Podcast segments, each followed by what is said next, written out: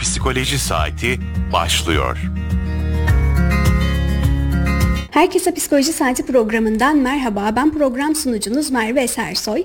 Her hafta alanında uzman konuklarımızı ağırladığımız programımızın bu haftaki konuğu psikolog Büşra Karabulut bizlerle birlikte. Büşra Hanım hoş geldiniz. Merhabalar, hoş bulduk. Nasılsınız? İyiyim, teşekkür ediyorum. Siz nasılsınız? Ben de iyiyim, teşekkür ederim. Öncelikle davetimi kırmayıp buraya geldiğiniz için çok teşekkür ederim. Ani bir kararla oldu. Özellikle bunun için ayrıca teşekkür ediyorum.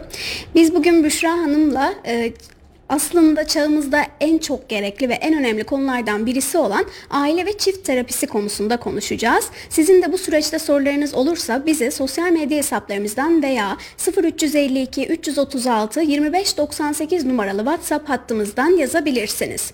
Büşra Hanım öncelikle sizi tanıyabilir miyiz? Tabii ki. Büşra Karabulut, psikoloğum. 2020 yılında mezun oldum. Mezuniyetim sonrasında kendimi geliştirmek için çeşitli eğitimler aldım. Bu eğitimlerden biri de aile danışmanlığı eğitimiydi.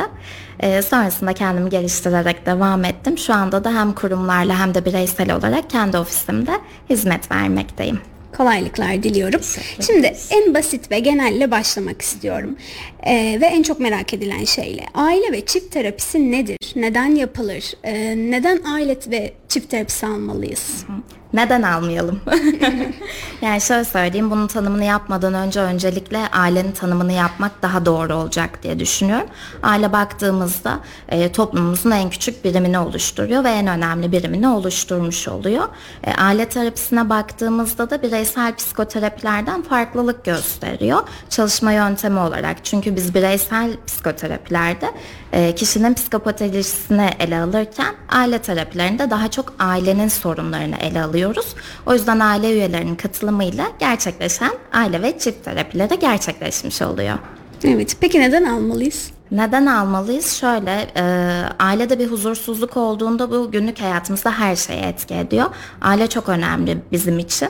E, bu kadar önemliyken neden bu huzursuzlukla ilerlemeye devam edelim? Neden iletişim problemleriyle ilerlemeye devam edelim? O yüzden e, ne kadar erken çözüme kavuşturursak o kadar daha sağlıklı nesillere yol açmış oluruz. Evet, öncelikle şey de sormak istiyorum size.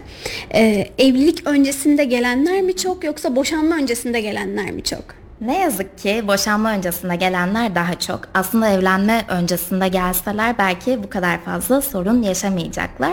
Ama bizim milletimizde biraz şey vardır. E, sona geldiğimizde, krize geldiğimizde daha çok. E, bu bireysel psikoterapilerde de böyle. Kişi sorunu olmadığında terapiyi çok fazla düşünmez. Ancak ne zaman o sorunla başa çıkamadığında e, bir terapiyi düşünme sürecine giriyor. Aile danışmanlığında da aynen böyle oluyor aslında. Tabii ki evlilik öncesi gelen çiftler çiftlerimiz ya da ailelerimizde oluyor ama genellikle boşanma öncesi o kriz döneminde e, çocuklar için gelenler daha fazla oluyor. Peki aile ve çift veya çift terapisi ne kadar sürer? Bu mesela bir sorunu çözdük tamam bizim terapimiz bitti mi yoksa sıklığı azalarak devam eden e, terapi süreçleri olmalı mı? Yani şöyle e, ben hep insan olanın derdi bitmez derim. İnsan olanın derdi olur.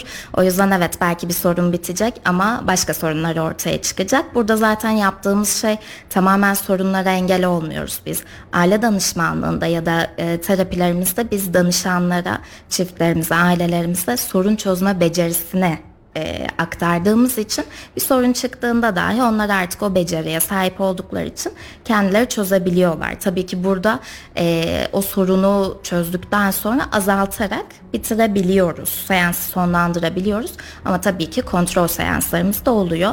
E, bunda da ortalama olarak şöyle söyleyeceğim. Bu çok aileden aileye, çiftten çifte soruna göre değişebilecek bir şey olduğu için ortalama bir süre belirlemek çok doğru değil. Ama genellikle baktığımızda 8-24 seans arası e, önerilmekte. Yine de bireyler ve aileler evet. önemli diyorsunuz. Hı hı. Peki aile veya çift terapisi hangi durumlarda faydalı olur? Mesela evlenmeden önce gelenler için hı hı. ya da boşanmadan önce gelenler için neler söylersiniz? Hı hı.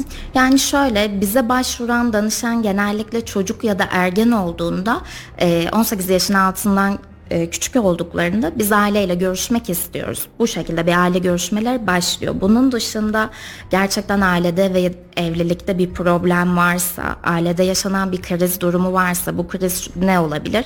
Bir hastalık, bir göç, bir kayıp, bir yas durumu varsa bu krizle baş edilemediğinde e, tabii ki ya da cinsel sorunlar söz konusuysa e, bir aile danışmanlığı almaları tercih ediliyor. Evet. Peki bu aile e, danışma şey aile terapilerinin başarı oranı nasıl oluyor? Bu da yine çok aileden aileye değişecek bir şey ama şöyle e, bu bireysel psikoterapilerimizde de aynı şekilde gerçekleşir. Kişinin isteği çok önemli. Kişi değişime karşı direnç mi gösteriyor yoksa gerçekten değişime açık mı, esnek mi? Gerçekten terapiden verim almak istiyor mu? Ki biz e, terapilerimizde ev ödevleri veriyoruz mesela. O ev, ev ödevlerine ne kadar uyuyor? Terapilere gerçekten düzenli bir biçimde katılım gösteriyorsa başarı oranı da bir o kadar yükseliyor. Ama dikkat etmiyorlar ya da böyle terapilere düzenli gelmiyorlarsa başarı oranımız tabii ki düşebiliyor. Peki çiftlerde tek taraflı başvuru olabiliyor mu? Olabiliyor. Yani ben terapi almak istiyorum ama eşim istemiyor. Onu nasıl ikna edebilirim gibi çok karşılaştığımız durum. Genelde çiftin biri geliyor, diğerini ikna edemedim ya da nasıl ikna edeceğim gibi sorular çok görülebiliyor. Yani burada da şunu öneriyoruz. Kişi neden tercih etmiyor? Yani önce bir gerçekten dinleyip anlamak gerekiyor.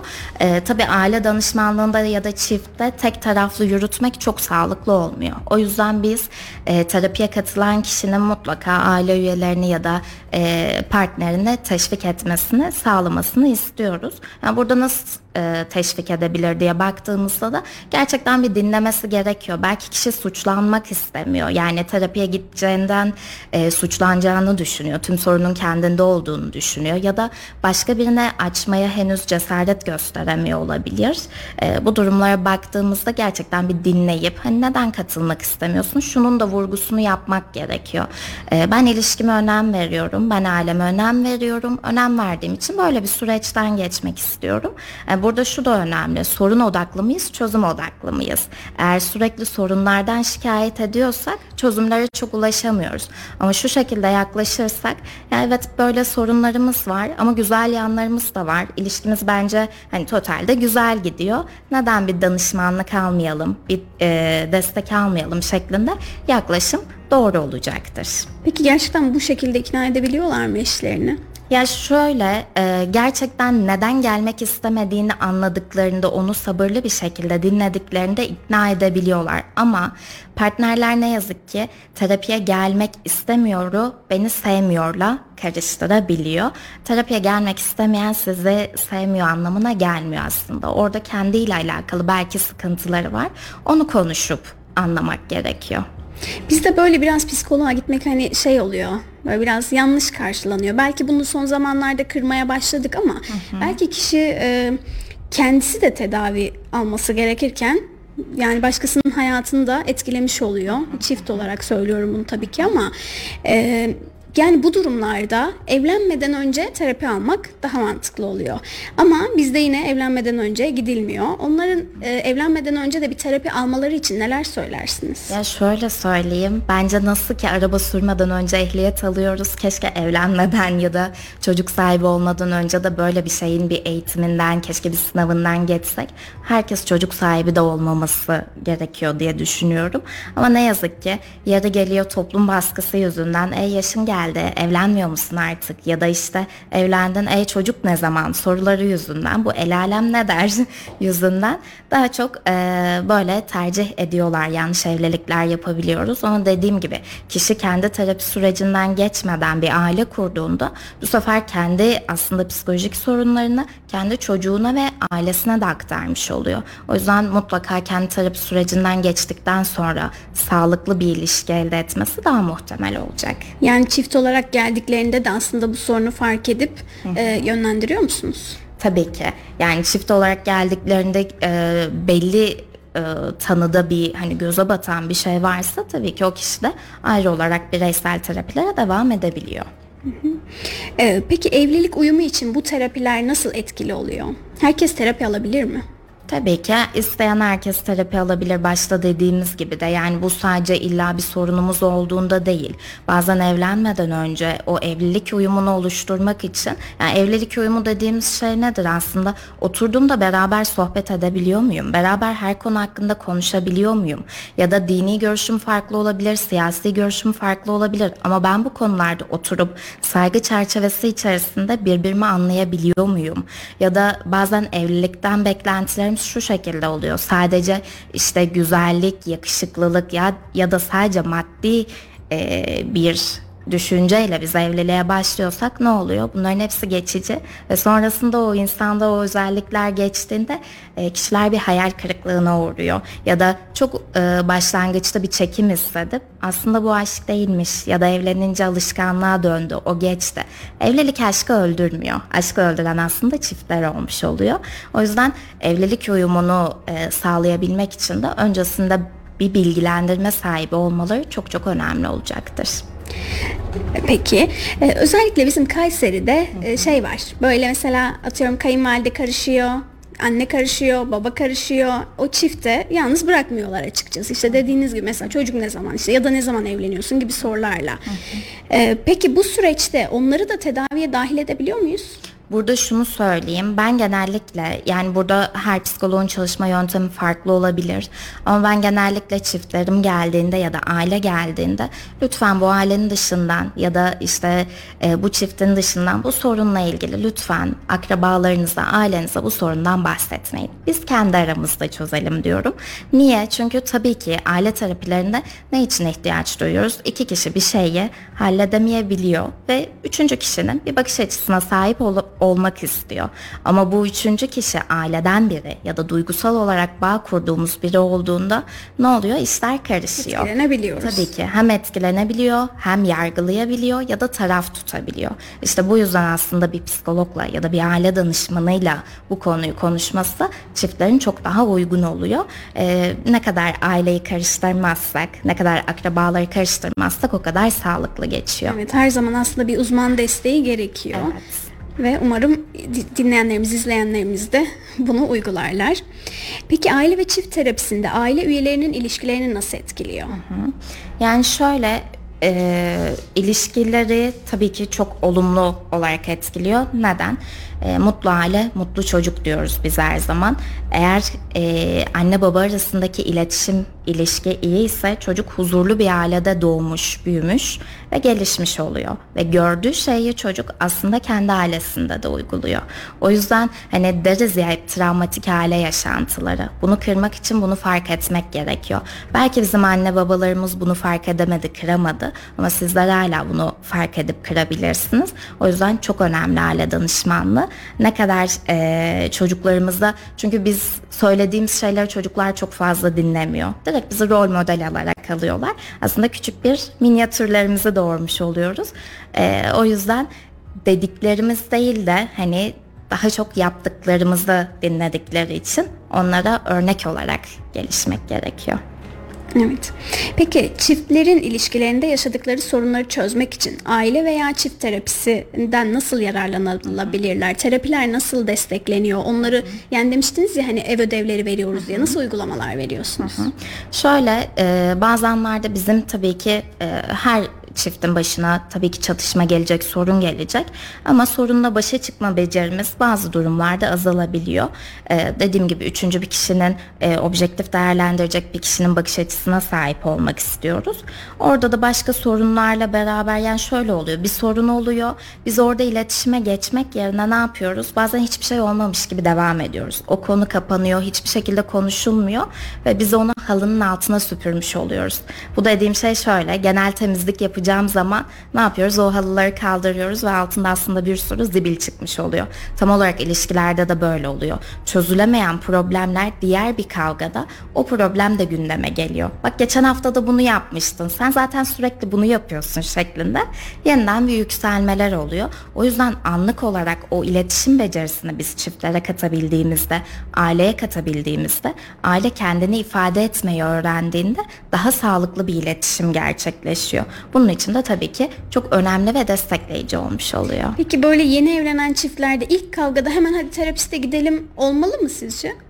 Ya şöyle e, hayır çünkü neden hayır diyeceğim biraz yanlış da olacak ama hem evet hem hayır diyeyim. E, niye? Evet sorunu nasıl çözeceksiniz? Yani hemen her sorunu çözdüm bunu çok abartmamak da gerekiyor ya da sorunu çok küçümsememek de gerekiyor. Hayatta her şey denge üzerine kurulu. O dengeyi kurabilmek gerekiyor. Ama baktık sorunla gerçekten başa çıkamıyoruz ya da nasıl başa çıkacağımı bilmiyorum. Çünkü evlilik, flört dönemi ya da sevgililik dönemi gibi değil. Belki sevgililik döneminde böyle kavgalar yaşanmıyordu. Aynı evin içerisine girince farklı sorunlar çıkmaya başlıyor ve bu sorunları çözebilme noktasında yetersiz kalabiliyorlar. Baktılar çözemiyorlar tabii ki mutlaka mutlaka danışmanlık almaları kendilerini de rahatlatacak. Yani demiştiniz ya halının altına süpürmeyin diye. Acaba dedim oradan şey olabiliyor mu diye. Kesinlikle yani orada yaptıkları şey aslında ya tamam yeni evlendik zaten. Ha şimdi boşanamayız da ki en ufak bir sorunda zaten boşanmayı gündeme getirmek de burada aile değer hani nasıl bir değer kat ediyor bu da çok önemli. Yani orada hemen boşanmaya getirmek yerine nasıl çözebiliriz? Çözebilir miyiz? Çözemiyorsak nasıl bir destek alabiliriz?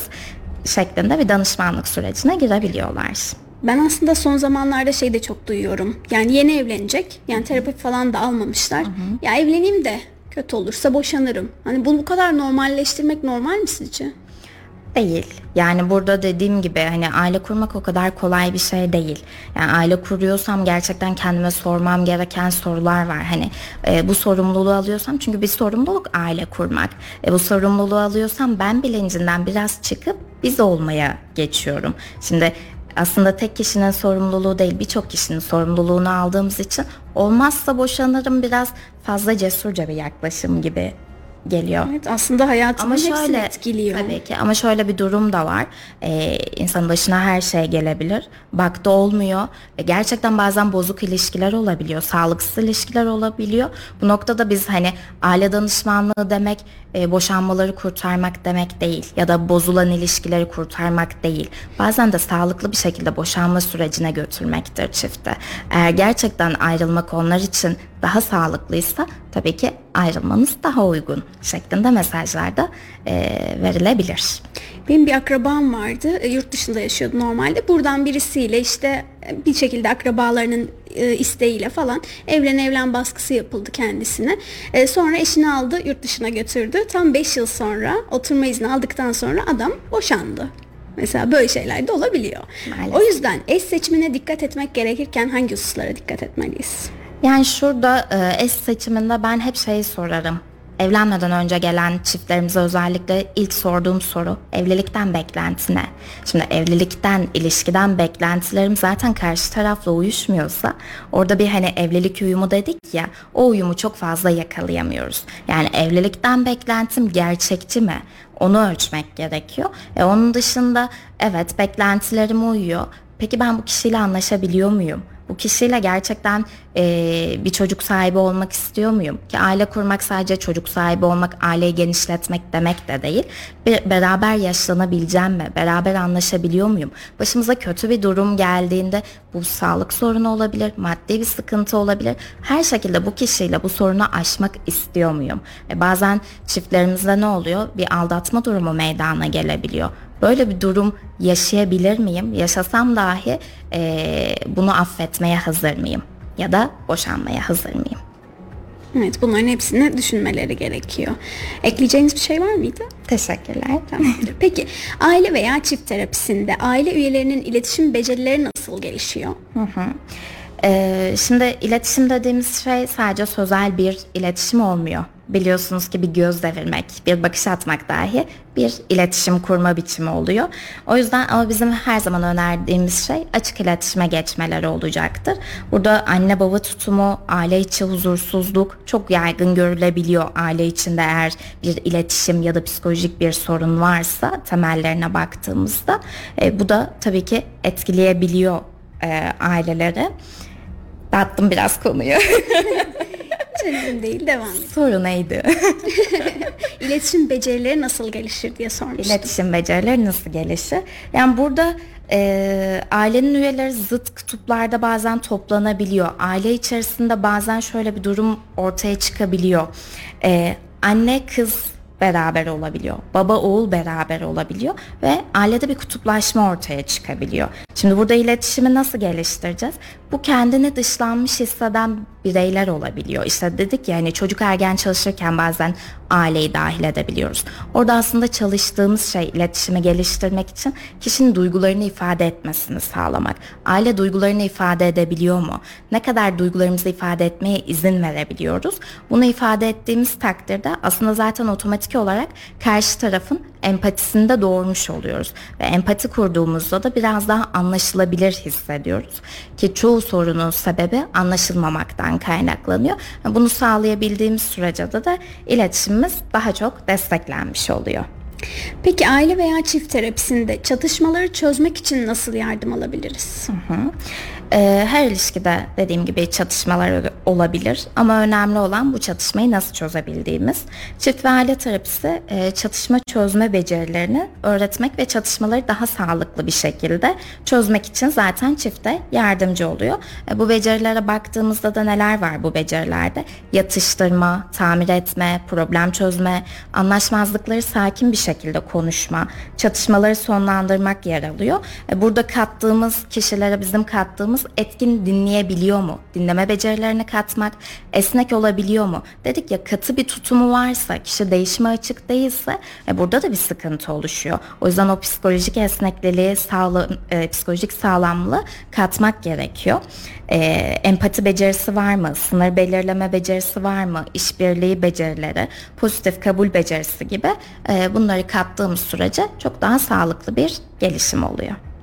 Peki aile veya çift terapisinde duygusal yakınlığı arttırmak için neler kullanılabilir? Hı hı. Ailede diğerlerinden ayrı ve çatışma içindeki bir birey gözlemlenebiliyor.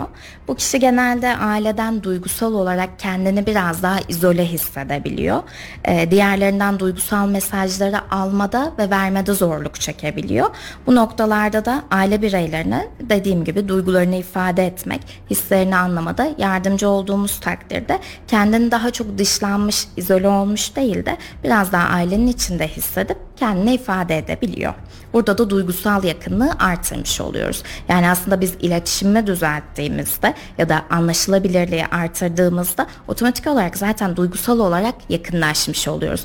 Ama bazen ne oluyor? Sorunlar büyütülüyor, ağız dalaşları oluyor ya da dediğimiz gibi sorun hiç yokmuş gibi devam edilip sadece bakışlarla ya da odalara çekilerek artık o selam vermelerde kalmayarak ne oluyor? Bir tavır gösterdiğimizi zaten o iletişim yoluyla belli etmiş oluyoruz. E, o noktalarda da sağlıklı iletişim, açık iletişim her zaman önerdiğimiz bir şey. Yine çocuklarda da böyle dışlanmış hissi olunca Hı-hı. aslında onlar mesela şey de diyemez ki yani ben terapiye gideyim ya da ailecek terapiye gidelim diyemez çocuklar. Hı-hı. Ama yine dışlanmış hissediyorsa onlar için ne önerirsiniz? Hı-hı. Yani burada çocuğun neden dışlanmış hissettiği de çok önemli. Tabii biz aile çalıştığımız için e, üvey evlat da olabilir ya da işte evlatlık edinilmiş bir çocukla da karşılaşabiliriz. O yüzden tamamen aileye ele almak burada aile danışmanlığında çok önemli. Çünkü çocuk dediğiniz gibi her şeyi dile getirmiyor ama ama çocuk dile getirmediği takdirde nasıl dile getiriyor bunu? Tırnak yiyerek, belki altına kaçırarak, belki işte gece korkularla, kabuslarla uyanarak ya da çocuk yersiz bir öfke patlamalarıyla zaten bunun mesajlarını bize vermiş oluyor. Yani aslında aileler e, çocuklarını çok iyi gözlemlemeliler. Kesinlikle gözlemleyip demek ki bir sorun var. Çünkü şöyle oluyor çocuk hissediyor. Yani e, her ne kadar siz çocuğun önünde tartışmasanız da çocuk ailedeki huzursuzluğu, sizdeki o gerginliği çok net bir şekilde hissediyor. Sizin korkunuzu, kaygınızı anlıyor ve bunun sebebini bilmediği için o kendi küçük dünyasında bunu çok çok büyütebiliyor ve büyüttüğünde ne oluyor? Bunu anlamlandıramıyor ve çok daha büyük sıkıntılar yaşayabiliyor. O yüzden mutlaka çocukları da gözlemlemek gerekiyor. Şimdi üvey evlat deyince aklıma geldi benim ama e, şimdi herkesi tenzih ediyorum öncelikle. Yani kimse yanlış anlamasın, kimseyi aşağılamak ya da e, kötülemek gibi bir durum değil bu söyleyeceğim. Ama üvey evlat da biraz hani böyle şey olur ya, daha çok dışlanıyormuş gibi. Ya yani genelde bizim yaşadığımız durumlarda öyle oluyor. Kimseyi tabii ki zan altında bırakmayalım. Ee, mesela baba diyelim üvey annesi var. Hı hı. Ee, baba da ilgilenmiyor. Bu çocuk ne yapabilir? Yani burada şöyle işte neden hani evlilik yaptın o zaman? evlilik beklentileri demiştik ya evlilikten beklentin ne? Şimdi sen bilerek evlendiysen e, kişinin çocuğunun olduğunu o zaman ona göre de bir yaklaşım sergilemek ya da bu çocuğu kabul edip etmediğini başta belirtmen gerekiyor. Niye? Çünkü o çocuğun da vebaline girmemek gerekiyor. Yani orada da tabii ki çocuk için de çok büyük bir sıkıntı. Çocuk hissedebilir, kendini yabancı hissedebilir. Ama burada da şunu soruyoruz. Gerçekten eee belki öz annesi olamaz, belki öz babası olamaz ama ona babalık yapabilmek için ya da ona belki bir abi ya da bir abla olabilmek için hazır mı? Hazırsa bunun için neler yapması gerekiyor? Yani bunun için bir isteği var mı? O zaman biz zaten terapilerde ona göre yön veriyoruz. Öncelikli gelecek insanları hemen belirledik. Evlenmeden önce geleceksiniz bir de e, ikinci evliliğinizi yapıyorsanız çocuklar için. Peki terapilerde zorlu yaşam değişiklikleri olduğunda e, uyum sağlamak için nasıl yapabiliriz? Mesela atıyorum e, babasını kaybettiler. Aile ne yap anne ne yapabilir tek başına çocuğuyla? Yani burada şöyle yine ailenin soruna bakış açısı ve ailenin değerleri çok önemli oluyor.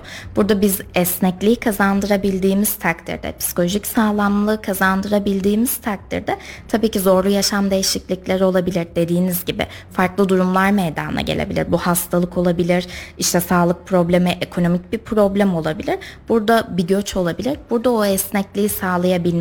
Hani dedik ya ben bilincinden çıkıp biz bilincini oluşturduğumuz takdirde biz bu sorunun altından nasıl gelebiliriz yansıtmak gerekiyor. Ee, aslında yayının başlarında bahsetmiştik. Bir eş ikna olmadı ama birisi geliyor. Ee, kadın veya erkek fark etmez. Ya onlar için bir daha bir öneride bulunur musunuz? Tabii ki. Ee, yani orada şu e, neden gelmek istemiyorsun? Hadi bunu bir ele alalım.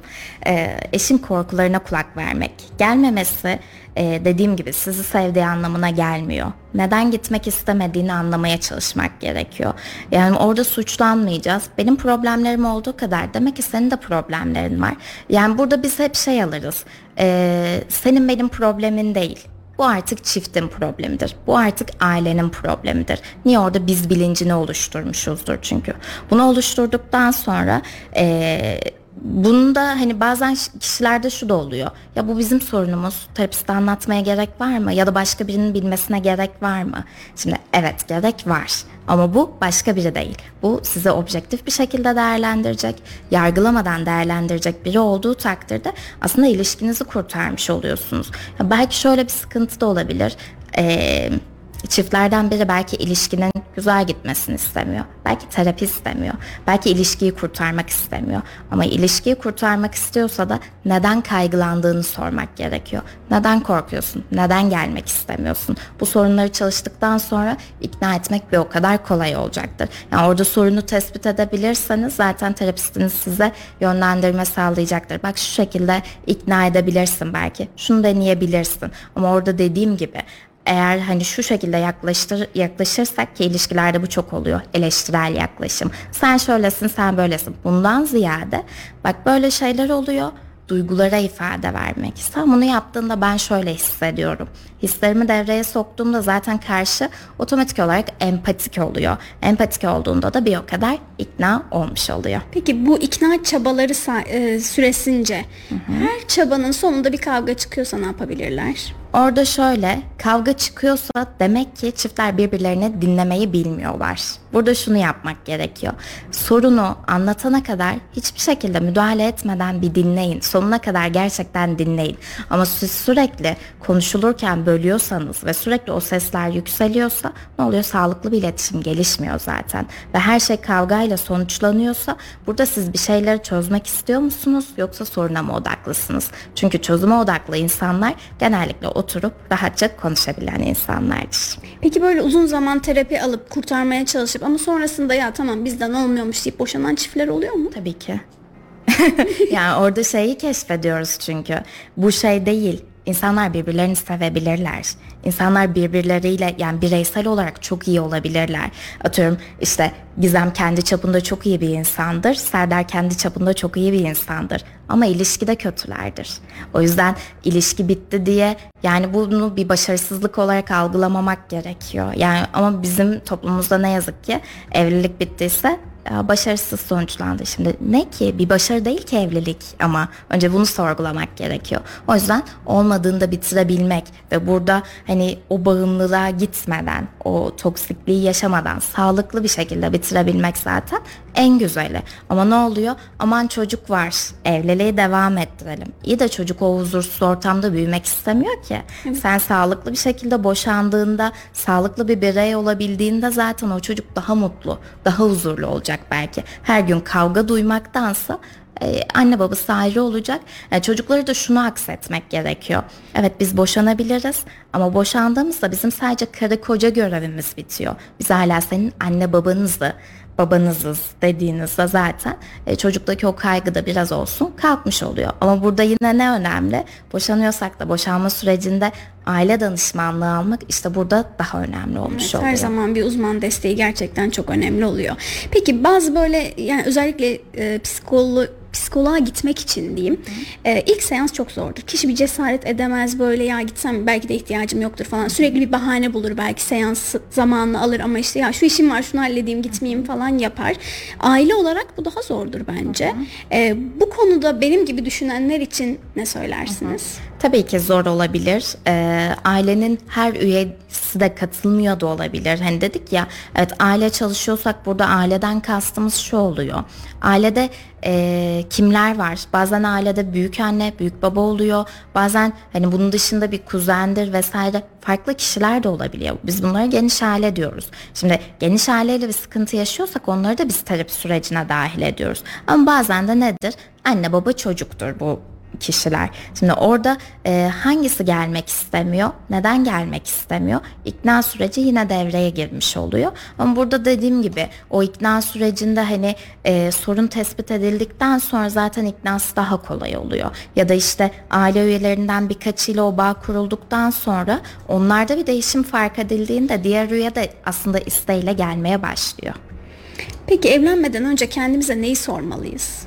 Evlenmeden önce kendimize eş seçiminde ya da evlenmeden önce sormamız gerekenler tabii ki çok fazla ama e, dediğim gibi kişi evlenmeden önce kendi psikoterapi sürecinden mutlaka geçmesi gerekiyor. Bu nedir? Ben daha kim olduğumu bilmeden başka birini nasıl tanıyabilirim ki? Önce bir kendinizi tanımanız gerekiyor. Evlilikten beklentilerim gerçekçi mi?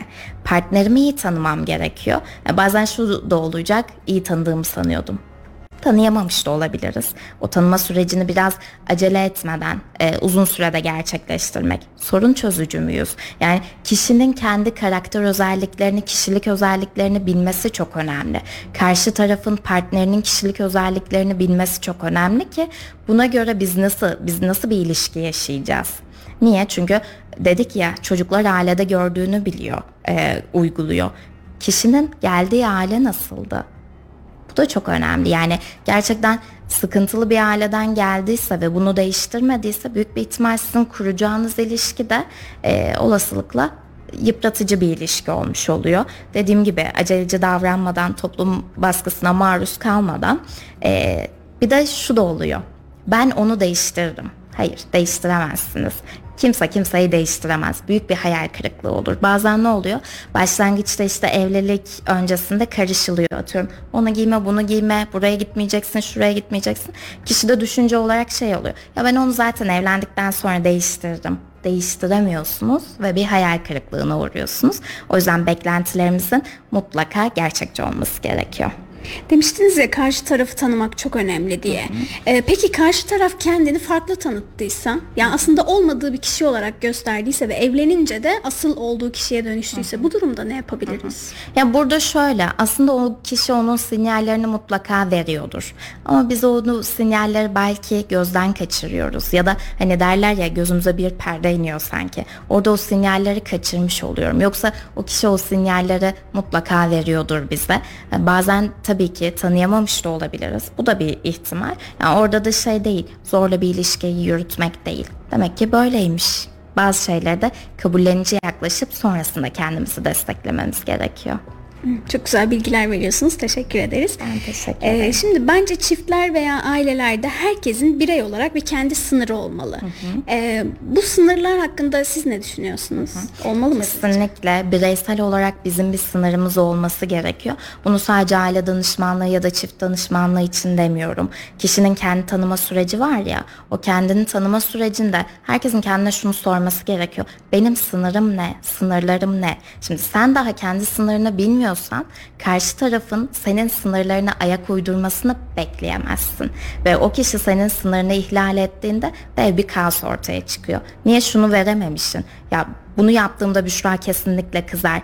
Karşı taraf bunu diyemiyorsa benim ortada bir sınırlarım yoktur. O yüzden e, o sınırı çizebilmek, özel alanın olabilmesi. Evet biz hep şey dedik, evlilik, çift terapisi, aile için. Ben yok biz var dedik ama ben var, hala var. O özel alanı korumak çok önemli. O sınırı korumak çok önemli.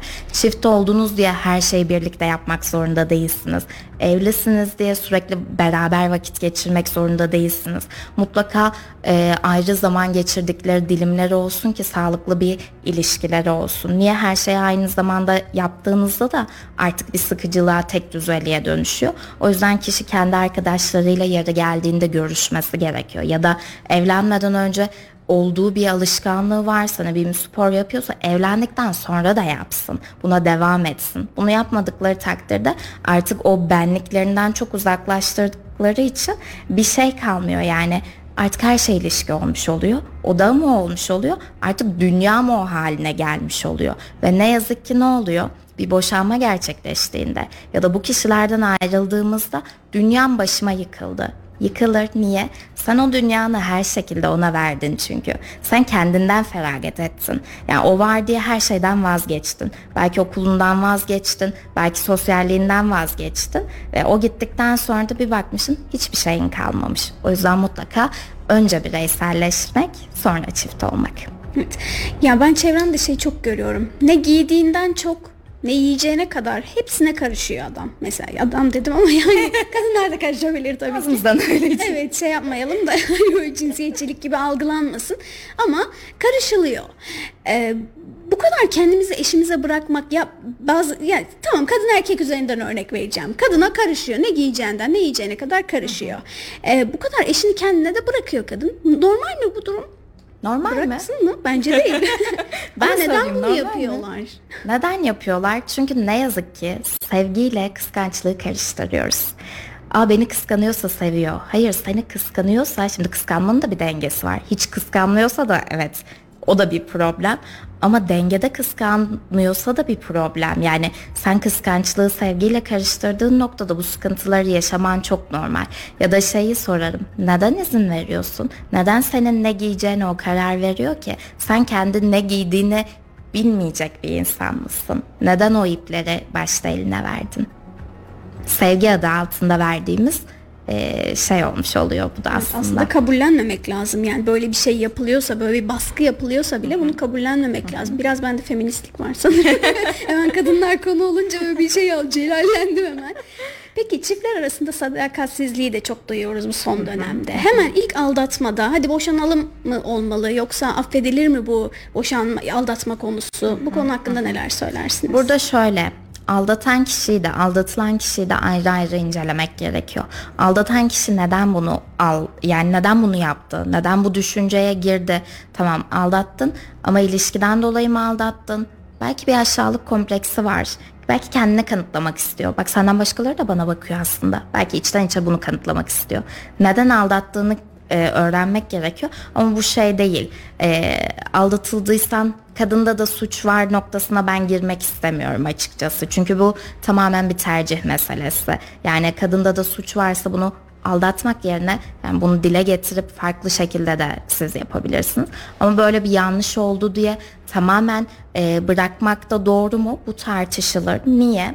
Kişi eğer e, ilişkiyi kurtarmak istiyor, bunu bir hata olarak görüyorsa ve e, karşı taraf affetmeye hazırsa, aldatan kişi affedilmeye hazır ve yeniden o güveni sağlamak için e, gerekli sorumluluğu alabilecek beceriye sahipse, buna hazırsa evet bir affetme süreci başlıyor. Yeniden o güveni inşa etme süreci başlıyor. Burada da yine tabii ki destek almaları çok önemli oluyor. Çünkü çok çok yıpratıcı ve zorlu bir süreç olmuş oluyor. İki taraf için de aslında hem aldatan için hem de aldatılan için. Çünkü kabullenmek bir o kadar zor bir mesele olmuş oluyor. Ama burada da dediğim gibi kabullenmeye hazır mı? Affetmeye hazır mı? Burada şey de en büyük hakkı. Bu benim kesinlikle sınırım. Yani bunu yaptığın an benim için ilişki bitmiştir. Hiçbir şekilde affetmek istemiyorum. O zaman dediğim gibi boşanma en sağlıklısıdır. Peki diyelim affetti tamam iki tarafta güveni de tekrar yaptılar yine aynı sorunla karşılaştılar artık güven hep yıkıldı. Bu durumda neler söylersiniz? Bu durumda ben bir şey söylemeyeyim. Bu durumda artık bu, bu durumda artık partnerimiz bir şey söylesin. Olabilir. Yani bu dediğim gibi bu bir davranış bozukluğuna da gitmiş olabilir. Orada da artık biraz çiftten ziyade neden sürekli bu davranışı tekrar ediyor? Biraz onu da incelemek gerekiyor. Demek ki orada da bir sıkıntı, bir sorun var. Sürekli bu davranışı tekrar ediyorsa ve bundan sürekli pişmanlık duyuyorsa ya da hiç pişmanlık duymuyorsa o zaman ilişkiye yüklediği anlam farklı, yüklediği değer farklı. Tabii ki ilişki biçimleri de çok farklı. Hani dedik ya en başta aileye yüklediğimiz değer ne? Yani değer olarak yüklediğim şey ise açık ilişki ise ya da işte benim için aldatma önemli değil, benim için üçüncü kişilerin girmesi önemli değil diyorlarsa biz bunlara da saygı duyuyoruz. Çünkü yani bizim yaptığımız meslek koşulsuz kabuldür. Tabii ki bunlara da e, okeyimiz var ama burada şu iki tarafında rızasının olması. Evet. Peki bir de şeyleri çok duyarız. İşte seni çok seviyorum, sen gidersen ben yaşayamam, ben ölürüm, işte dünyam biter bilmem ne bir sürü şey duyuyoruz. Ee, sizce bu bağlılık mı? Gerçekten aşk, sevgi böyle bir şey mi? Bu bağlılık değil. Bu bir bağımlılık. Biz ne yazık ki bağlılıkla bağımlılığı da birbirine karıştırıyoruz. Bağlılık dediğimiz şey her insanın bağlanma ihtiyacı vardır. Her insanın bağlılık ihtiyacı vardır. Bu normal güvenli olan yani e, olmasını beklediğimiz bir şeydir. Ama bu bağımlılığa dönüştüğü takdirde ne oluyor? Toksik ilişkiler meydana gelmiş oluyor ne yazık ki.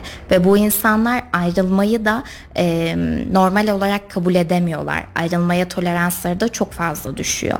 O yüzden burada hani nasıl ki e, bir alkol bağımlılığı nasıl ki bir madde bağımlılığı varsa aynı şekilde ilişkide de bir bağımlılık görünebiliyor ve bunu çok sevgiyle karıştırabiliyorlar. Oysa ki burada olan tek şey sen olmazsan yapamam. Niye yapamazsın? Ondan önce ne yapıyordun ki?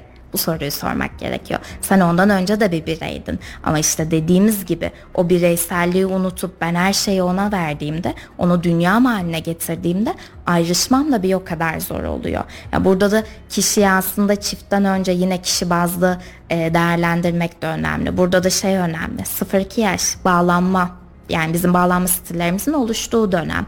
Güvenli mi bağlanıyor, kaygılı mı bağlanıyor, kaçıngan mı bağlanıyor?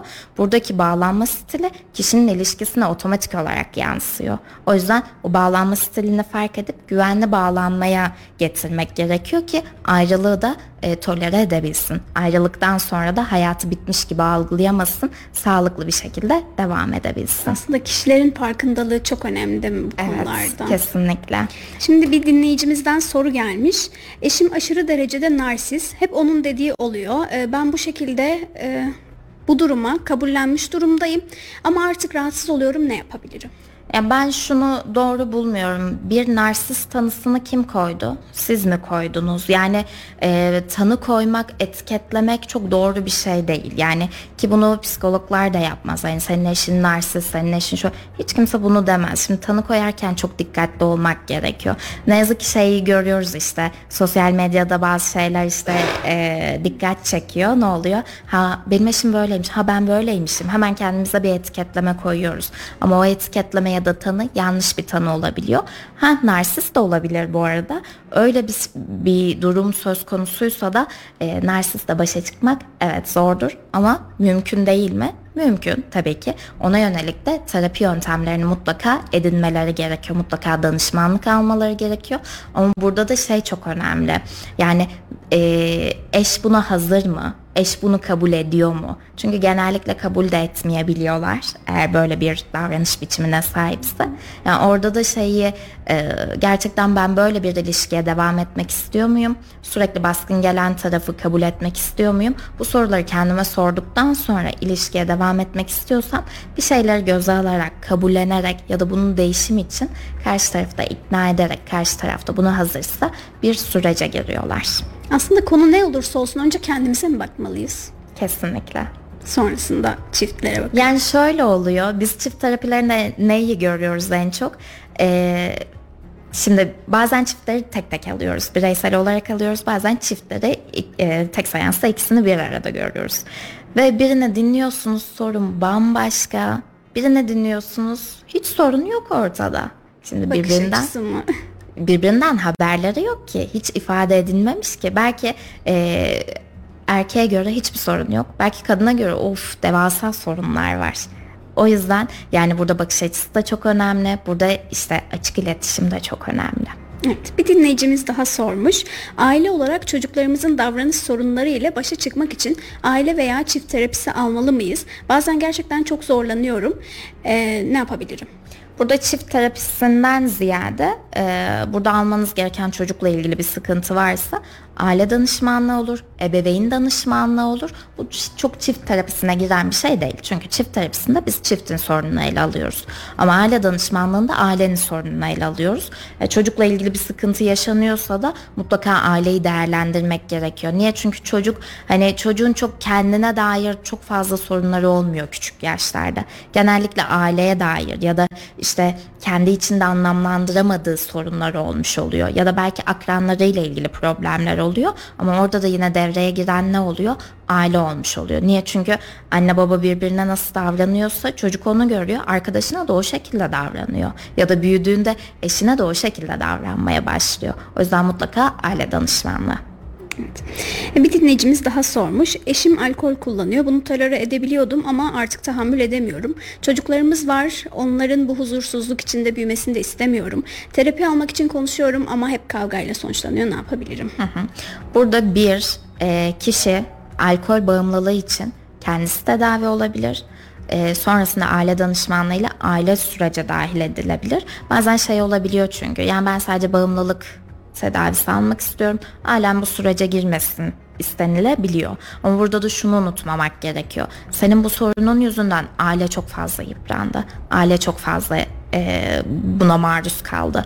Bunu tolere edebilmek için de ailenin de bazen dahil edilmesi gerekiyor. E, orada da şey çok önemli. Alkolü bırakmaya hazır mı? E, bağımlılıklar dedik ya alkol bağımlılığı da büyük bir sıkıntı çünkü bırakmak istemiyorsa o da çok büyük bir sıkıntı oluyor çünkü genellikle kendi isteği olmadan bir de 18 yaşın üstündeyse çok fazla tutamıyorlar.